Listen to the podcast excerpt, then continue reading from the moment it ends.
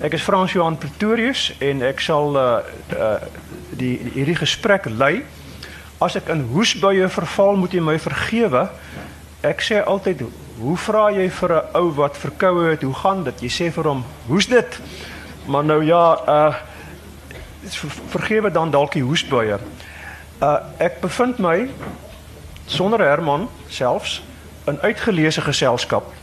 En uitgeleese beteken nie hulle het klaar gelees nie, maar die lese gedeelte beteken uitgekies, uitverkore uh uh skrywers en akademici. So baie dankie dat Albert blyk hier is en Herman hopelik net nou by ons aansluit. Ek weet dit dat hy bewus is hiervan. Anet het net vanmôre vir my gesê hy's besig om voor te berei. Nou ek weet nie waarvoor hy voorberei nie. Dis nie nodig nie. Uh baie dankie ook dat u hier is. Dit is baie lekker om oor die onderwerp van verraad in die Afrikaanse geskiedenis te praat. Ek wil graag dan Albert blyk aan u voorstel. Nou ja, ek wil eers noem dat hy op Grey Grey in Bloemfontein gematrikuleer het. Dit sê al klaar genoeg van die man. Maar hy het twee MA's in geskiedenis by die Randse Afrikaanse Universiteit verwerf, uh die uh oor Afrika geskiedenis en oor Europese geskiedenis. En toe hy begin boeke skryf en behalwe dit is hy prokureur op Rodepoort. En sy boeke oor die Anglo-Boereoorlog is merkwaardige uh bydraes tot ons kennis van die Anglo-Boereoorlog.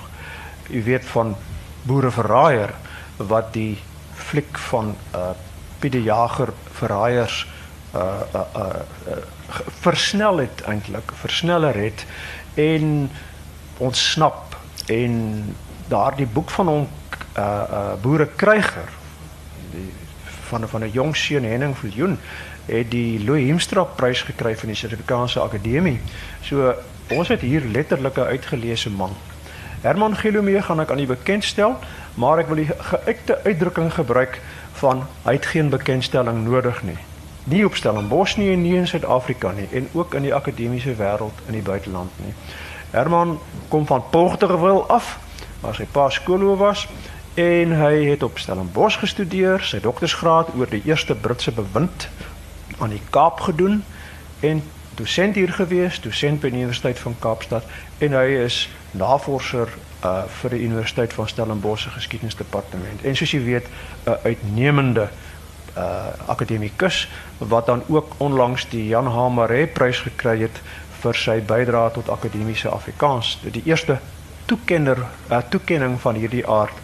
Ons kan amper sê die Afrikaanse Nobelprys. So fantasties om hopelik Herman binnekort by ons te hê.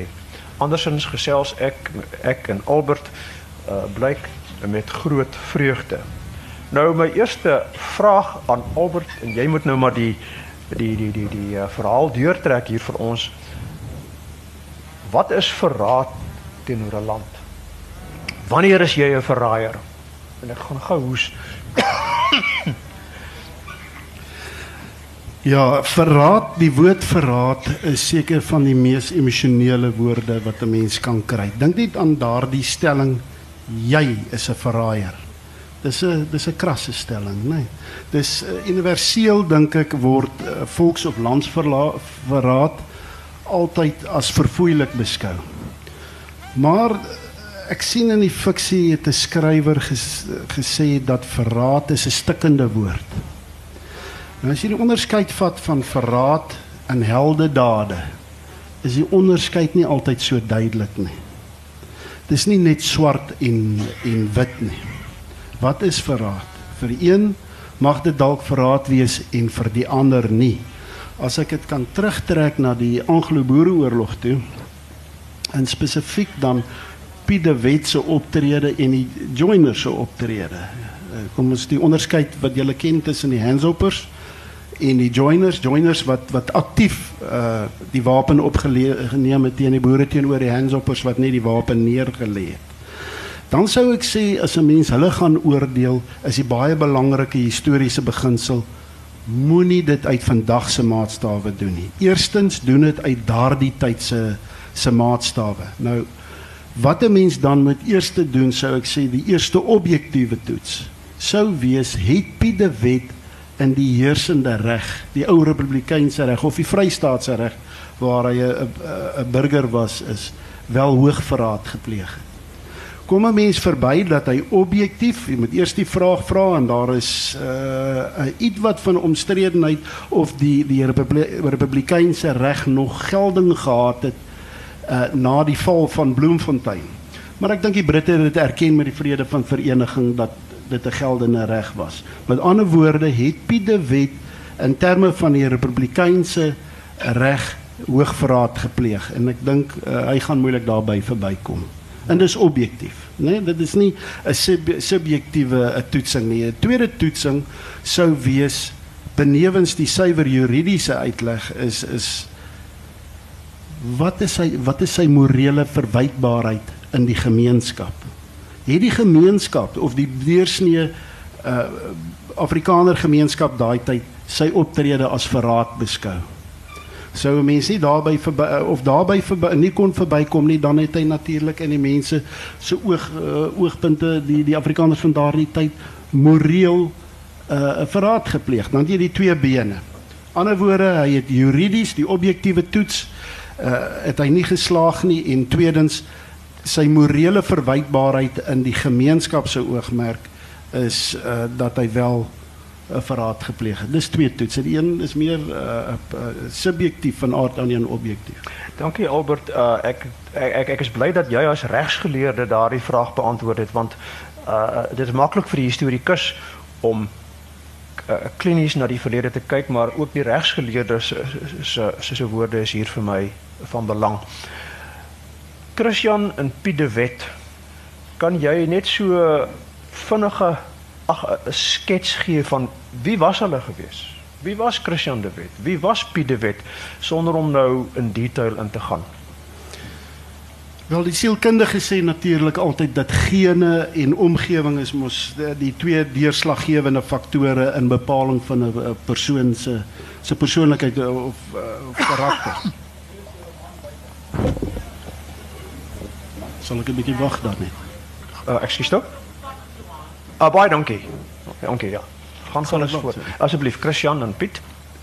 Nou kom ons begin in die onderskeid tussen die twee. Fisies was Chris Christian was uh, die kortere man gewees omtrent so in ou taal so 5 na 6 duim jonger as die Piet. Uh, Christian as jy kyk na die fotos gee dit nie altyd weer nie. Hy het 'n baie verweerde uh, vels gelaatstrek gehad en sommige sê 'n ruwe gesig gehad. Terwyl Piet die baie langer man uh, was 'n aantreklike kerel gewees en uh, in die oë van die vroue nogal uh, iets om na te, te kyk natuurlik dis wat die fisiese gedeelte beteken en hy was 'n uh, 7 jaar jonger omtrent. Hy was 7 jaar jonger 7 jaar jonger as as, as as as Christian ja. Hallo Herman baie welkom. Ja.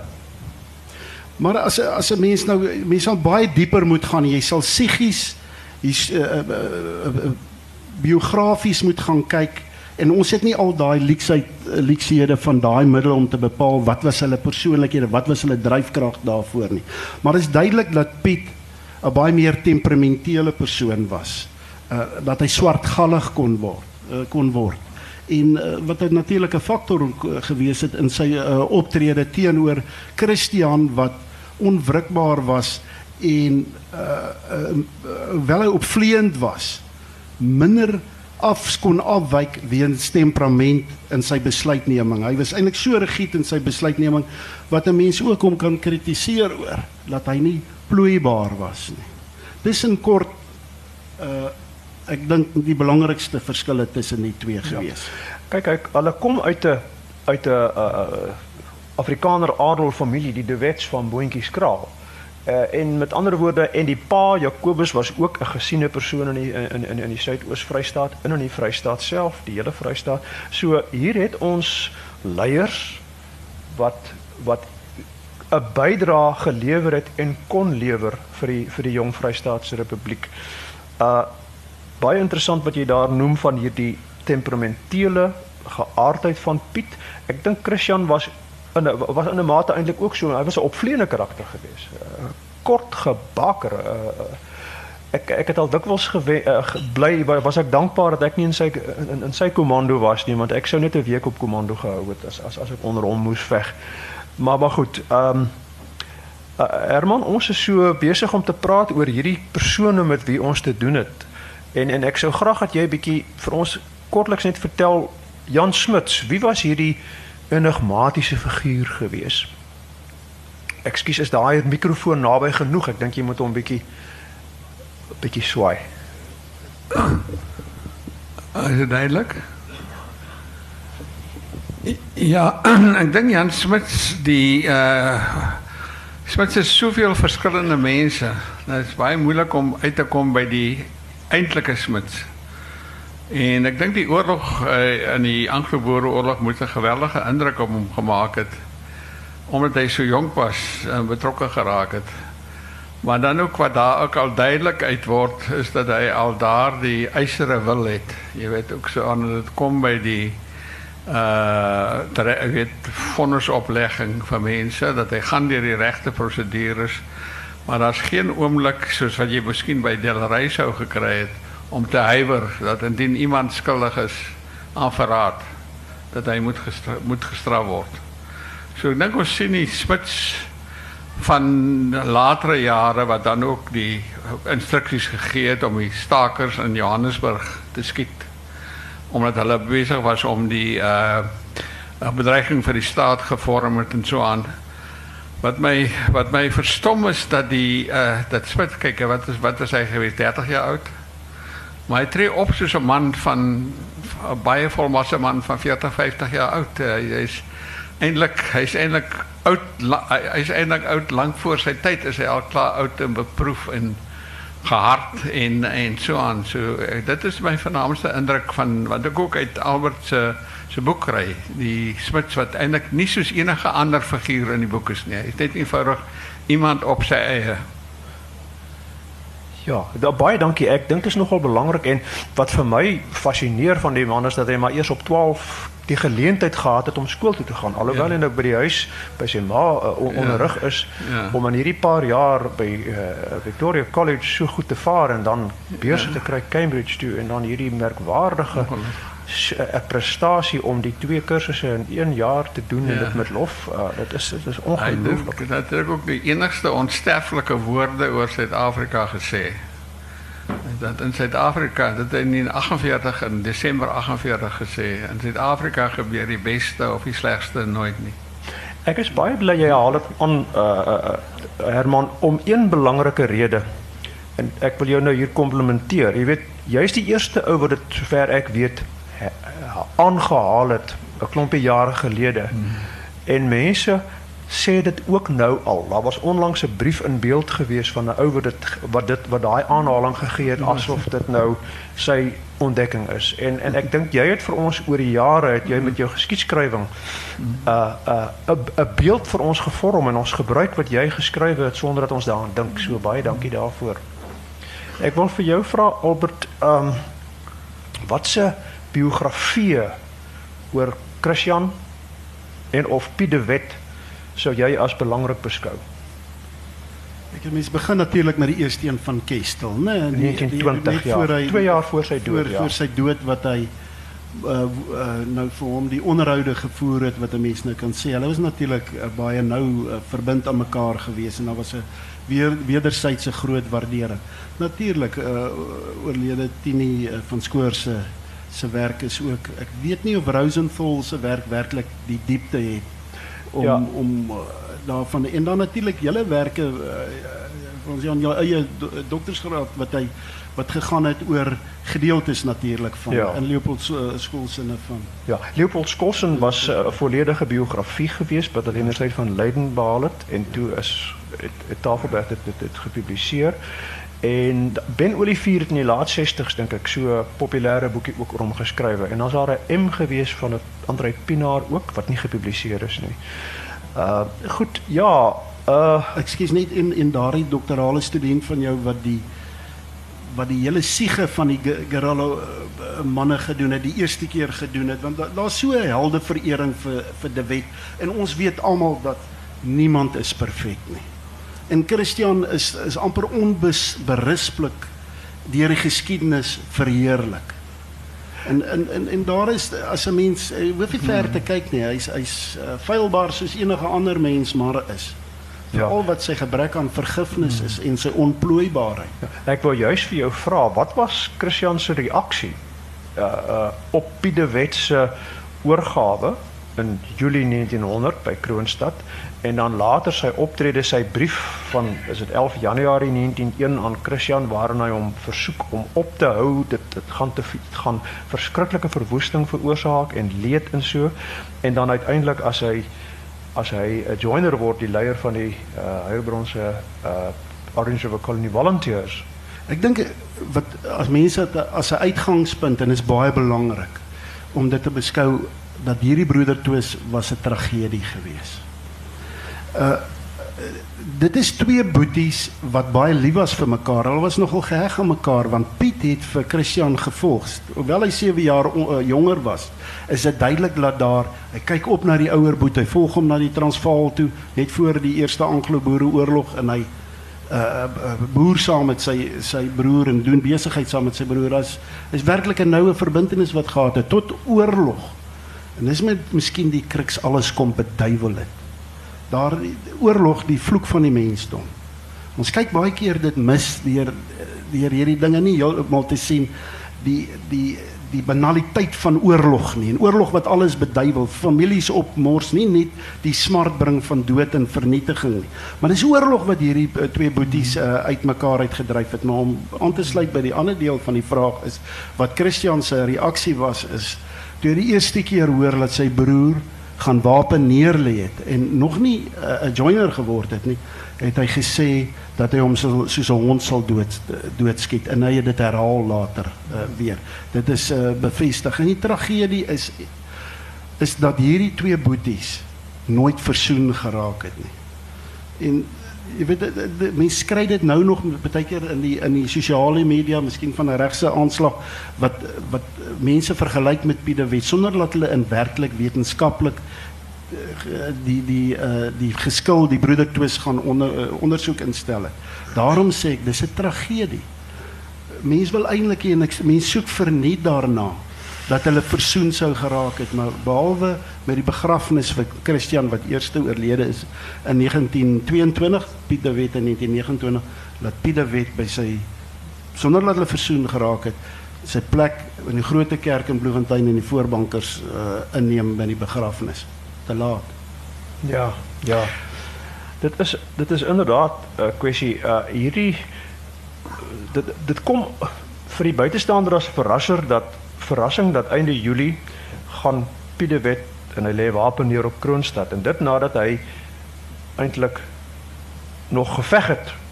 Uit die 19de Julie was hy aan die hoof van 'n afdeling wat uh, Britte wat hulle verras het, uh, uh, het het die Britte gestuit.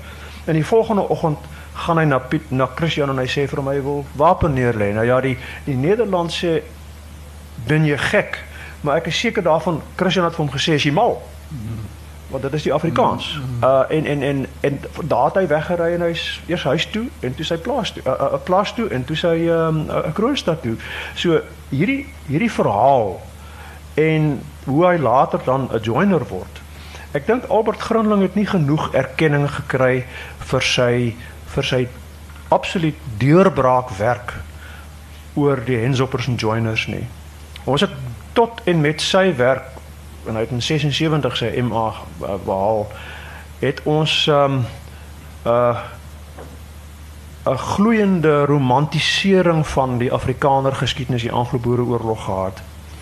En en en Albert het met daardie Hensoppers en Joiners het hy 'n nuwe tydvak van Afrikaner geskiedskrywing oor die Anglo-Boereoorlog ingelui waar daar meer objektief gekyk word na die verlede en dat ons agterkom hierdie ouens is nie 10 voet lank nie maar hulle is soos jy sê gewone mense met feilbaarhede. So aan Albert Grinling, dit sê ek altyd baie graag, het ons 'n baie groot waardering voor.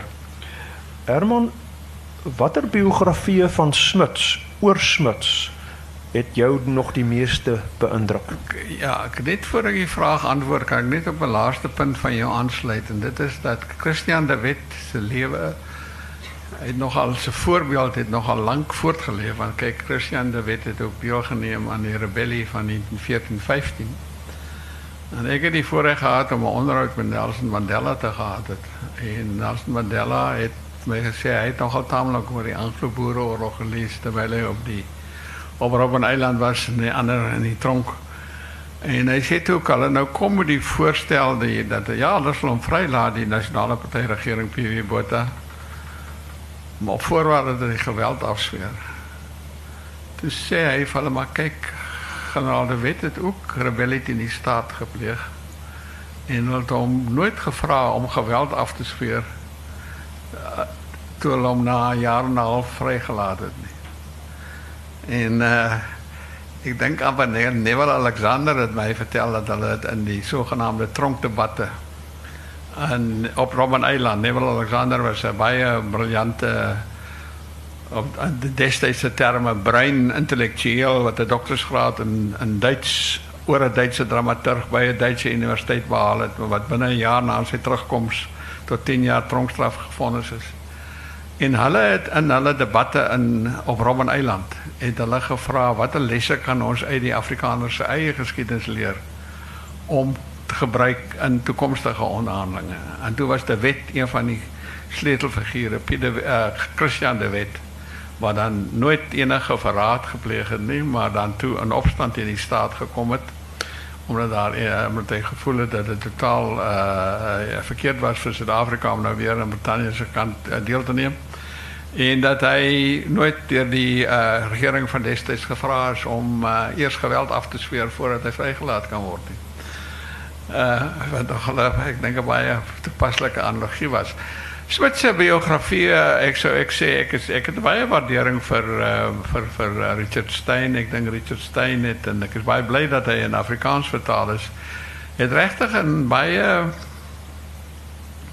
menslike biografie geskryf. Uh, ek dink hy het van die vernaamste akademiese kwessies uh, behandel baie goed. Maar wat deel deel deel te deurkom is die baie merkwaardige persoon wat wat Smits was dat hy eintlik baie uh, verskillende gehad het dat hy die akademiese regsgeleerde man was wat koud afsydig was. Wat dieselfde die man wat ook net eenvoudig geweldige groot eerbied en respek en liefde van sy volgelinge kon af kon kon kon kon kon, kon afdwing. Ek het eenmaal vir Christo Wiese so jaar gelede gevra nou hy kom uit 'n sap familie uit en kom uit 'n nat familie uit en vra wat was die grootste verskil tussen die Afrikaners in die 1930s en die 40s en die 50s? Dis Jan Smuts. As jy Jan Smuts geëer het as 'n groot man, dan was 'n sap. As jy Jan Smuts nie gereken het nie, dan op maar 'n so dan was jy waarskynlik 'n nat. Maar dink die nat is se waardering vir Smits het al meer geword. Die beste biografie wat myns en siens is maar nog eintlik Hancock. Nou, ja. Hancock is Australiër. W.K. Hancock het 'n baie groot naam gehad nog voordat hy die biografie het as eintlik die een van die heel beste historiese in die Britse Statebond. Hy self het later gesê hy het nooit besef dat Smits gaan omtrent 12 of 15 jaar uit lewe uitneem nie, want hy nou die twee volume biografie van Smits geskryf en hy het uh, ook die korrespondensie van Smits met sy uh, die Smits papers hy gehelp redigeer. Ehm uh, maar ehm um, uh, dit is vir my nogal interessant die opmerking wat hy maak rondom Smits was te Smits in 50 het om Stellenbosch Universiteit om uitgenooi om 'n bietjie die dag hier op Stellenbosch deur te bring. En toe het uh, aan die einde van die besoek het iemand vir hom gevra maar generaal kom dit nie meer vir Afrikaans gedoen nie. Ek sê maar goeie magtig. Hoeveel ander werk moes ek hier doen nie? en uh, ek uh, Hancock voeg dan by wat dit het, wat beteken dat hy 'n groot dat hy dat hy wat vir vir vir die Afrikaner gemeenskap wat die wat 60% van die kieserskorps uitmaak dat hy daar 'n baie groot uh om baie baie uh weerloos gelaat het vir die beskuldiging dat hy nie eintlik vir die Afrikaners omgee nie. Maar ek dink uh, uh ek dink daar's nog altyd ruimte om om Hancock se werk maar weer uit te gee of ten minste as een volume uit te gee, maar ek dink uh, Hancock is al reeds oorlede, maar ek dink as min mense wat wat kom met die wysheid met die oorleg en met die balans wat wat Hancock uh, Spits hanteer het. Die boeke van Bekers en en, en die Ag, dis nou entoesiasme, jy weet. Uh, dit is uh, dat jy het geweldig entoesiasties oor Smits. En uh Piet Bekers het die gewonderlike bewondering uh, gehad vir Jan Smits wat storie wat vertel. Kyk Smits, jy Piet Bekers dink ek self het 'n Oxford Oxford graad gehad dink ek en uh, hy toe kom en hy toe teruggekom om vir generaal Smits gaan werk en hy toe uh generaal Smits was toe nog uh, eerste minister wat ek al en uh toe op 'n stadium het uh, Piet Bekers sê maar generaal ons gaan nou 'n bietjie graag 'n bietjie met u uh, aspekte van die Anglo-Boereoorlog of van die geskiedenis wil bespreek. En Smits sê nog man, meneer Bekers gaan en doen gaan doen gaan terug kantoor toe en doen jou werk. Hy was by hom geen begeerte of 'n vir small talk met 'n junior persoon oor iets in sy uh, verlede. Armstrong Greysteel. Armstrong is nogal interessant Greysteel. Sien uh, Saul de Bou wat nou pas professor in die Swartsteer, Jan Swartsteer in uh, Cambridge gekry het. Uh sê hy is Armstrong is nog die beste uh ou wat die beste die gepoetste beeld van van Smit so 'n bietjie afkraak. Jy weet 'n bietjie bietjie gekskeer ook met Smit, jy weet. Maar vertel van die mooiste stories oor Smit. Want een een belangrike storie is dat Smit het nou in 1915 met hy nou die kampanje hierso in uh, na die sê die oorlog in Suidwes nou verby was, toe moes die Duitsers uit Tanganyika probeer jaag en daar het Smit net verskriklik gesukkel om die Duitsers nou daar uit die uh, Duitsers was 'n Duitse kolonie. En ehm toe kom hy nou in Holland in Engeland. In Engeland word hy nou hoog geëer as die baie gedigte boergeneraal. En hulle vra toe hom uh, of hy nie dan wil help wat hulle nou die Turke uit Palestina uitjaag. En uh Swits het geweldige liefde gehad vir Mandela. Jy weet hy het ag vir vir Botha. Botha is amper soos later oor Mandela geskryf het. Dit so Swits vir Louis beskryf. Toe Swits nou einde raad vra het vir Louis Botha se se advies. En uh, hy Swits is in Londen en Botha is hier in Suid-Afrika en stuur Botha toe met ek weet nie met wie hy gekonsulteer het stuur hy vir uh Smits die boodskap uh wys liewers die aanbod van die hand af. Ons weet almal jy's nie 'n generaal nie. en Smits was natuurlik 'n gorilla uh gevegsvoerder. Hy het gorilla oorlog kon hy baie goed doen en hy het hierdie intog hier so in die Kaapkolonie gelei en so aan. Want hulle nie baie uitgerig nie want die Kaapenaars was nie maklik soos vandag nog uh maklik om om opgewonde te en uh hy uh maar uh, Botta het geweet en Botta kon dit vir Smit sê sonder dat Smit nou uh, om nou uh, uh geafronteer gevoel het. Ek vir ook vra Herman om jou nog aan die gesels te hou. Ehm wat is die oorsprong van die Afrikaner nasionalis se veroordeling van Smits as 'n verraaier? Ja, kyk nee, kan baie moeilik is die natuurlik in die geval van uh die Anglo-Boer die Eerste Wêreldoorlog het Smits natuurlik so erg daarop gestaan dat sy uit die boere het hulle woord vir die Engelse gegee dat hulle sal as dien hulle selfregering kry en hulle amper onafhanklikheid kry in 1910 dan sal hulle by Brittanje staan en dat jy nie daarteen daardie woord kan gaan nie. Kyk, hulle kon veel minder gedoen het om die Britse uh, leer te help in die Eerste Wêreldoorlog. Ons gesê het ons Kaapstad verdedig, om vir Duits Wes-Afrika te gaan inval waar daar 'n hele aantal hele 50000 Afrikaans sprekendes was. Was eintlik te dik vir 'n daalder geweest. Ek dink hulle kon daar gesê dit is te veel gevra geweest. Maar uh, ek dink die uh die tweede ding is natuurlik en ek dink wat 'n veel ek dink mense kan nou verstaan dat hulle nog die Eerste Wêreldoorlog versedelik moeilik vir vir vir vir, vir 'n nuwe Suid-Afrikaanse staat om nou al teen Brittanje as jou gewig rond te gooi. Maar die die punt was eintlik die Tweede Wêreldoorlog omdat nou agterna gebleik het dat dit die regte oorlog was om te veg, dat die nasies die grootste bedreiging was vir die westerse beskawing. Moet ons nie uit gedagte uit verloor dat hy oorlogsverklaring van Suid-Afrika in 1939 uh, die oorlog wat saam met Brittanje oorlog te verklaar teen Duitsland eintlik met 'n baie klein meerderheid in die parlement geneem, is. Dat is 'n meerderheid van 13. En het is interessant dat uh, jy is wat een van die mees voorgerekende liberale historici is wat uh, van Afrikaanse agtergrond maar het in Engels geskryf en was by Wits professor. Hy het eendag met Phyllis wat 'n Joodse Suid-Afrikaner was, het hy geargumenteer en hy het vir haar weet ek hou niks van die nattes nie. Jy weet ek haat apartheid. Maar mens kan nie 'n land in 'n oorlog vat met so 'n klein meerderheid in die parlement nie. Jy soek.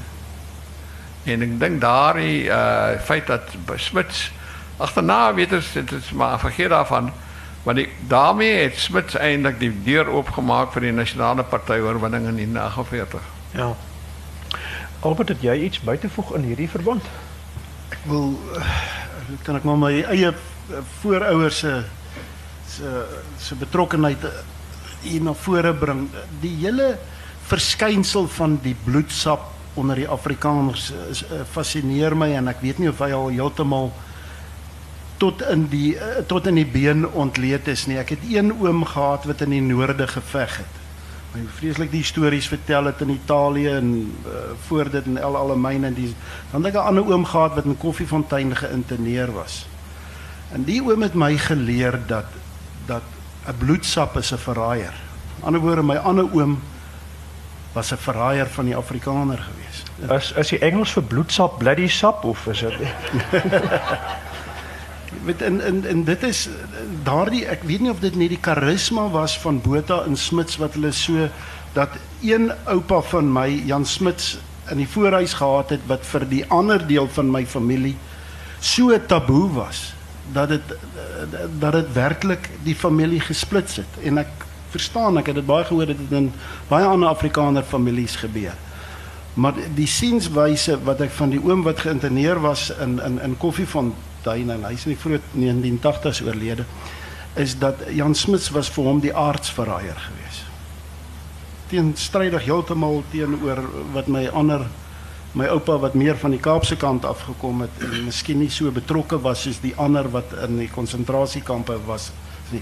Maar die hele verskynsel as ek net vinnig net kan sê wat ek geleer het by die oom van Koffiefontein die geïnterneerde was dat jy moes 'n bitter einder gewees of of 'n bona fide 'n kruisgevang in die Anglo-Boereoorlog. Jy moes 'n rebel of 'n rebelgesinde gewees het.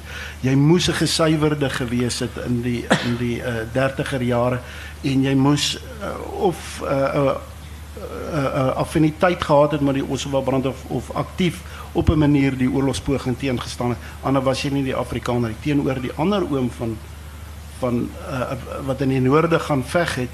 Kan ek nie werklik in sy lewenswyse eintlik 'n verskil tussen die twee gesien het nie of hulle lewens uitkyk was eintlik so soortgelyk dat jy nie 'n onderskeid kon maak nie, maar die renons tussen die natte en die bloedsappe, iets wat amper vergeet raak, uh deesdae, was baie meer intens geweest of my ondervinding. Ja. Uh waar ek uit die Vrystaat uitkom uh is as uh, is wat dalk meer vergeete is vandag. Ek weet nie wat Ja, wat vir my interessant is en hier's 'n paar van my vriende hier onder wat dit nou al my mening gehoor het en dit is dat die Afrikaner nasionalis neem vir Smits kwaliek dat hy die Afrikaner saak verraai het want hy dan nou so met die Anglo-Boereoorlog was hy nou so pro-boer gewees en daarna het hy vir het hy die die Britse imperialisme aangehang en die Afrikaner saak versaak.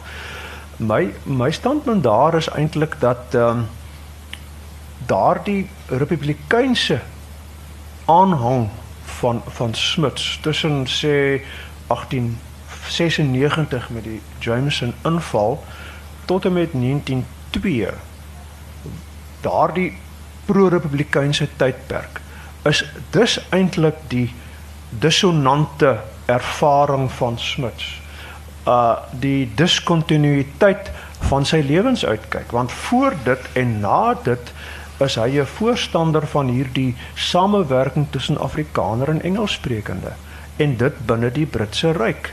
So my antwoord aan 'n Afrikaner nasionalis wat sê hy's 'n verraaier is nee, hy's 'n verraaier van die Britse imperiale saak gewees in daai tydperk 1896 tot 1902. Ek sou graag julle mening daaroor wou hoor. Ja, ek ek dink eh, die Britte het natuurlik die uh wat eintlik amper twee empires gehad. Die een was die Victorian Empire wat eintlik baie veral in die 1890s uh, baie harde, ongenaakbare oorloë kon veg en natuurlik ook in uh, verskillende plekke in die wêreld. Maar daar was ook 'n liberale Britse empire, 'n liberale wat wat wat selfregering gegee het, wat liberale waardes, gelykheid voor die reg en so aan. En dan het ek dink Smith wat Smith verwerp was natuurlik die in 18 na die Jameson raid wat nou vir 'n groot skok was die imperialistiese jingoïstiese empire. Die ene wat wat op ander mense se koppe getrap het en so aan.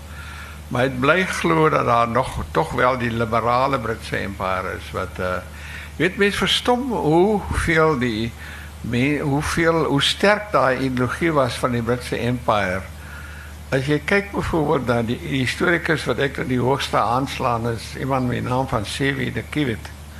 Uh History of South Africa, dit is die enkele beste boek wat geskryf is in die Suid-Afrikaanse historiografie. Nou de Kiewit is van 'n Hollandse uh, afkoms, uh Suid-Afrika toe geëmigreer en is toe redelik gou weer die land uit.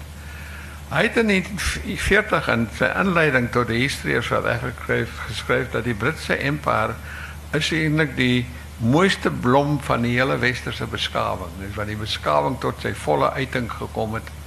En waar daar in die die op die, op kragtigste wyse aan politieke vryheid en kultuur uiting gegee is. Dit was hoe sterk daai ideologie van die Britse Empire was. En Smith het help bou aan daai empire en dit is dat jy uh volkomme vryheid eintlik, maar jy werk saam in 'n groter geheel. En dit was 'n geweldig aantreklike idee geweest. Uh Christo Wieser het my vertel in die gesprek wat ons gehad het toe nou nie 39 die oorlog nou uitbreek en die skering in die parlement, skering in die kabinet in die regering. Toe kom sy oom by sy pa en sê jong, nou moet ons bymekaar staan as Afrikaners. Sy pa sê ja nee, dit is baie goed. Hy sê ja, en dan neek ons die Engelse so lekker op. Sy sê pa, maar hy is nie daarvoor nie. sy pa het vir enige party opgegaan en uh en nou is die res van die familie het nasionale party opgegaan. Maar uh, daar was hierdie idee van 'n empire wat vandag vir ons nou eintlik veral waar empires nou heeltemal gediskrediteerd geraak het. Wat hier in die jare rondom voor die Jameson Raid 1896 en toe weer hierso in die 1920s en 30s baie aantreklik was vir die wit dominiums, jy weet Suid-Afrika en uh, Australië, Nieu-Seeland, Kanada en so aan is 'n entiteit wat groter is is die die geheel is soveel groter as die onderskeie dele, weet. Ja, ja, ja. Albert, het jy enige mening oor hierdie? Ja, dink uh, ons kan almal saamstem dat dat Jan Smith was 'n briljante man op verskeie gebiede. Is dit nie so nie? Ek kan mense dit so aanvaar, nê? Nee?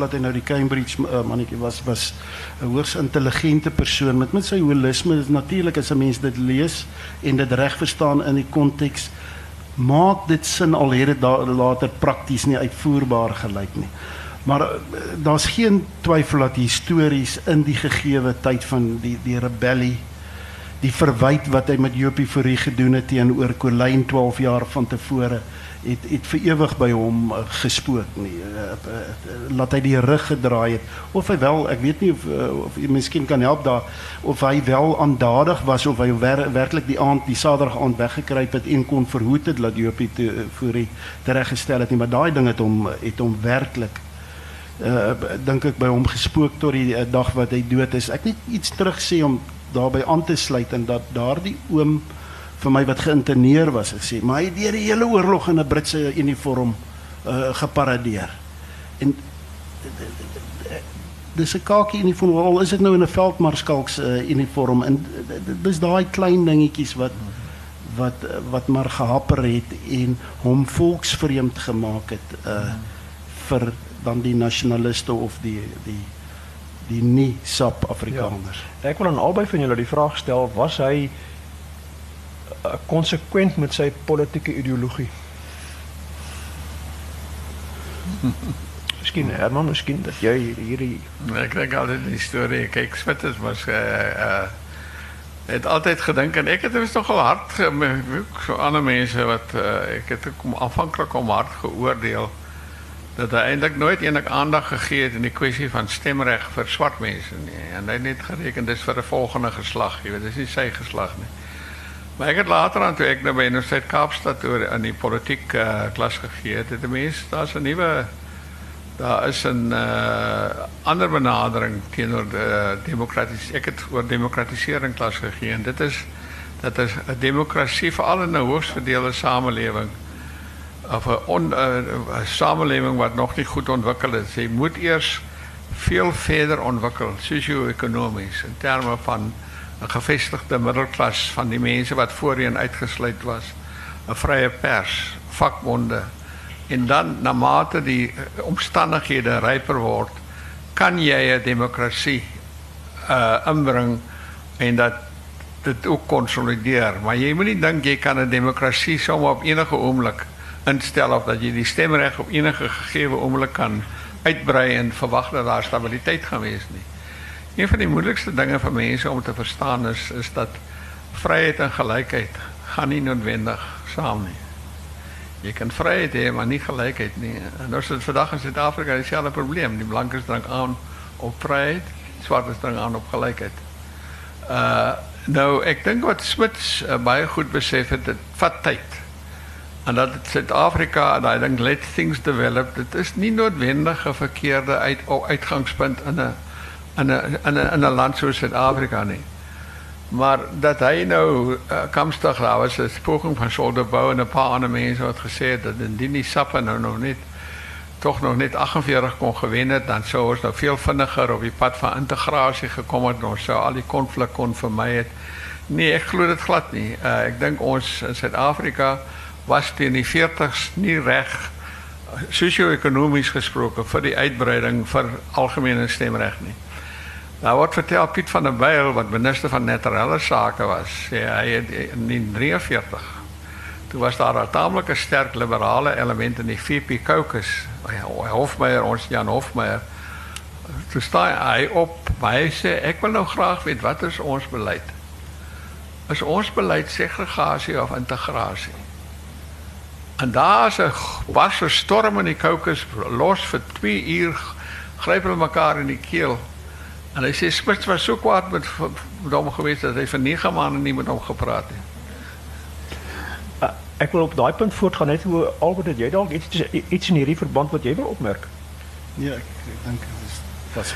Ek wil graag die punt maak juis uh in 1901 of 1900 het het Smits al geskrywe dat die toekomstige probleme, politieke probleme van Suid-Afrika is swart getalle. Hmm. En my vraag is miskien aan jou uh, Herman, die uh, wat was Smit se standpunt wel oor die swart mense want uh, dit gaan juis oor hierdie kwessie van huis by 'n party wat segregasie basies hmm. voorstaan en hulle ervaring van die van die oppositie die nasionale party en so is juis die van toenemende afsonderlikheid. Wat was sy standpunt oor die swart mense hier teen kom ons sê die jare ja. 40. Nee, ek dink dit is baie definitief die standpunt in die breinmense was baie beslis anders as die van die uh, is, is die nasionaliste dat pleidooi wat hy gelewer het in sowel 29 as in in 45 moenie met hierdie ding kom dat jy nou die kleerlinge wil klassifiseer as 'n ap aparte groep nee hy was 'n totale onding geweest en hy daar in die Britse in die die liberale tradisie gestaan Ek dink dat wat betref die swart mense wou hy uh baie graag en ek dink dit sou die die regte rigting gewees het in die 20er jare, vroeë 20er jare om die swartes ordentlike stedelike selfbestuur te gee. Dit is wat die grootste fout wat blankes gemaak het. Is hulle dat hulle die hele swart probleem kan oplos deur middel van die tuislande.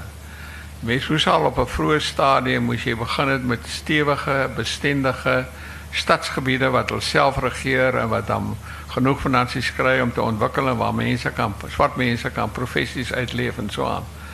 En dit wou hy in die wetgewing van 1921 doen, uh toe hy nog hy eerste minister was. Maar daar was toe 'n opstand geweest in sy eie caucus en hy het nie hy het nie weer probeer nie. So dink wat Spits toe eintlik maar gevoel jy moet nie verdere struikelblokke in 'n pad lê maar dink nie hy het ooit geglo in hierdie tuisland idee nie.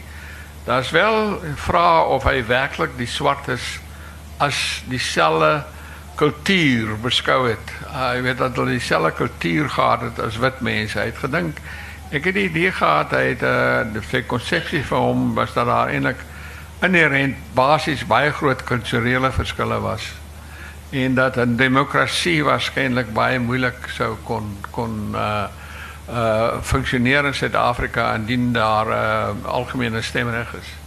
'n Vraag aan julle albei. Uh dink julle in in die posisie van 'n swart man vandag sou so 'n persoon Smits as 'n verraaier beskou? Herman? 'n Swart man uh Ja, ek weet nie, dit is moeilikheid. Jy weet, ons sit in Suid-Afrika, ons al 22 jaar in 'n demokrasie en ons het eintlik nog vreeslik min swart historiese werke, nee, jy weet, waar die mense nou waar swart skrywers nou die geskiedenis skryf. Ek dink Smits as die wêreldfiguur moet behoort enige mens te interesseer. Uh, ek dink hulle sal waarskynlik voel dat hy ja, oor, oor swartes op die ou en en ek en min bygedra het. Hy saamgegaan met die 1936 wetgewing wat die swartes toe op 'n aparte kieserslys geplaas het. Hy het eintlik uh die staking na in die uh, Tweede Wêreldoorlog, die swart staking, myn staking is taamlik breed in in 46 onderdruk. So ek dink nie hulle sal baie groot liefde vir hom in die dag lê. Ja, dink jy stem jy so? Ek ongeag wat die kleur is van 'n hedendaagse historikus is my grootste probleem dat as die geskiedenis in die verlede vertolk word, is dit verwytend uh of veroordelend terwyl daar 'n gebrek is om die geskiedenis in sy tyd konteks te oordeel. So dit maak nie saak wat hoe historikus dit is nie. As hy 1948 of watter in daai tydvak wil oordeel, moet hy die historiese konteks verstaan. En daar's vir my 'n groot gebrek daaraan dat uh, die geskiedenis gemisbruik word uh veral die om om veroordelend te wees terwyl ons 'n sterk behoefte het om onemosioneel objektief verklarend te te werk moet gaan uh, met die verlede. So so ja. professor nou nog gesê het die, die, ons moet daardie tyd konteks verstaan van die 40er jare. Dit was anders geweest die tyd was dalk nie ryp nie. Die die mense se denke, die, die die hele ontwikkeling van die hele politieke situasie is reg nie, maar vir my is dit toenemend die magdomboeke wat daar is of werke wat uitgekom het dat daar 'n gebrek is aan wetenskaplike geskiedskrywing se ontleding. Ek self uh, hoe meer verder ek in die geskiedenis ingaan, uh, raak beklemmend of ek uh, voldoen aan daardie standaard om om beheerst na die verlede te kyk deur uit daarin deur in die konteks te bly en nie retrospektief uh, oordeele vanuit vandag se maatstawe te doen nie. Ek kan miskien nog 'n paar dinge oor Smits vra, maar laat ek terugkom na Piet de Wet. Nadat hy nou in die Anglo-Boereoorlog hierdie joiner was, hoe is wat is sy verhouding of sy houding teenoor die rebellie van 1914? Ja, hy was natuurlik regeringsgesind geweest. Baie interessant waar hy sy plaas gehad het op daardie stadium in Lindley. Het hy uitgewyk in die omgewing van uh, Stella in uh, die uh, ek dink destydse distrik Vryburg in die in die Kalahari en uh, het hy daar op sy plaas uh, gaan met sy perde gaan boer om uit die spervuur te wees van die die rebelle wat veral in die Noord-Vrystaat daar in die omgewing van uh, wat hulle noem as die Riemland, né? Nee?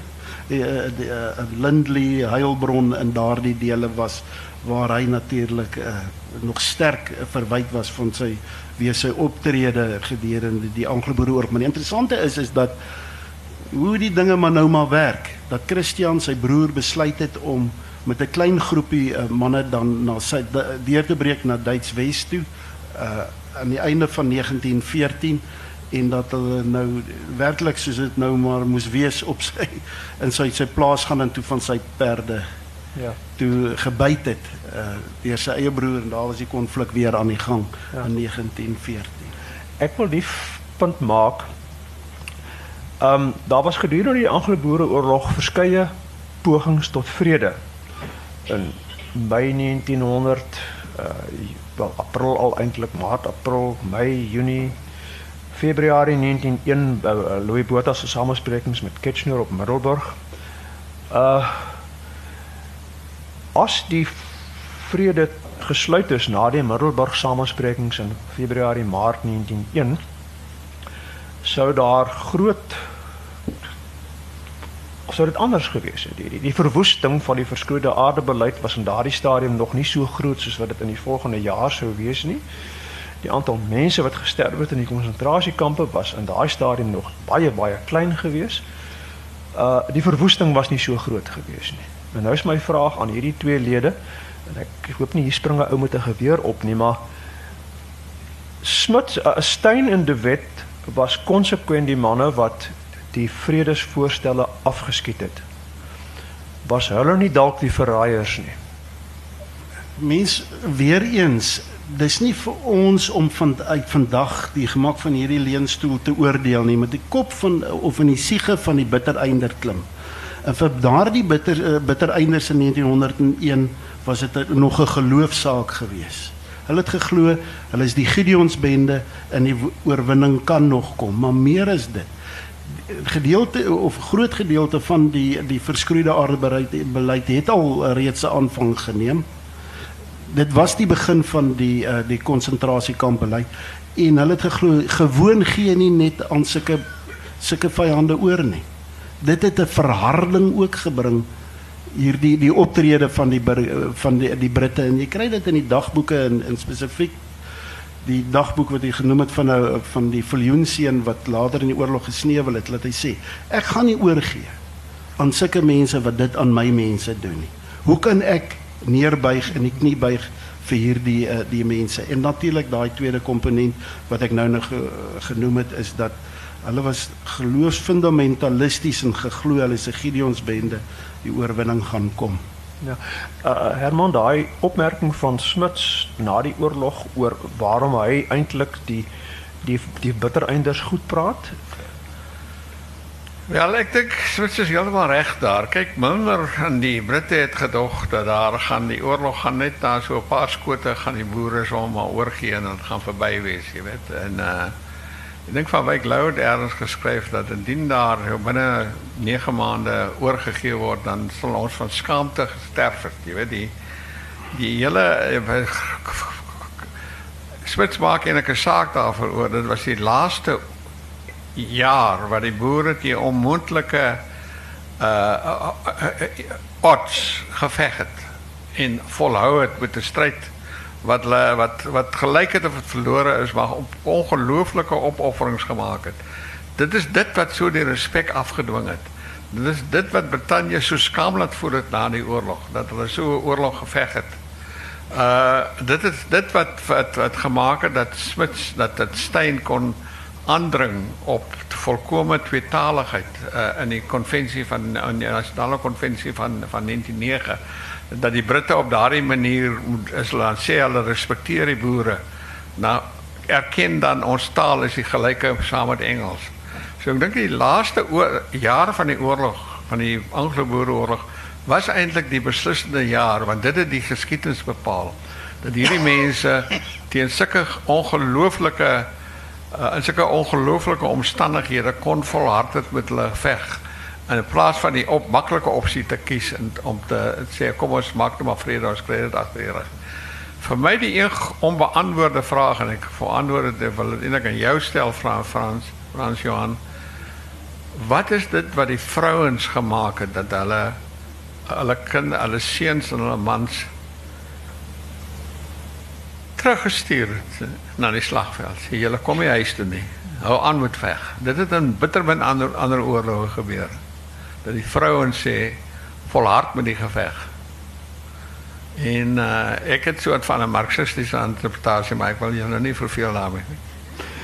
Uh die tyd raak min en ek sou nog graag daarop beantwoord en ek sou wou vra of Emily Hape as 'n verraaier was uh, in die oë van die Britte, maar ek wil graag die geleentheid aan aan die aan, aan die gehoor stel om vrae te vra, menings te lig.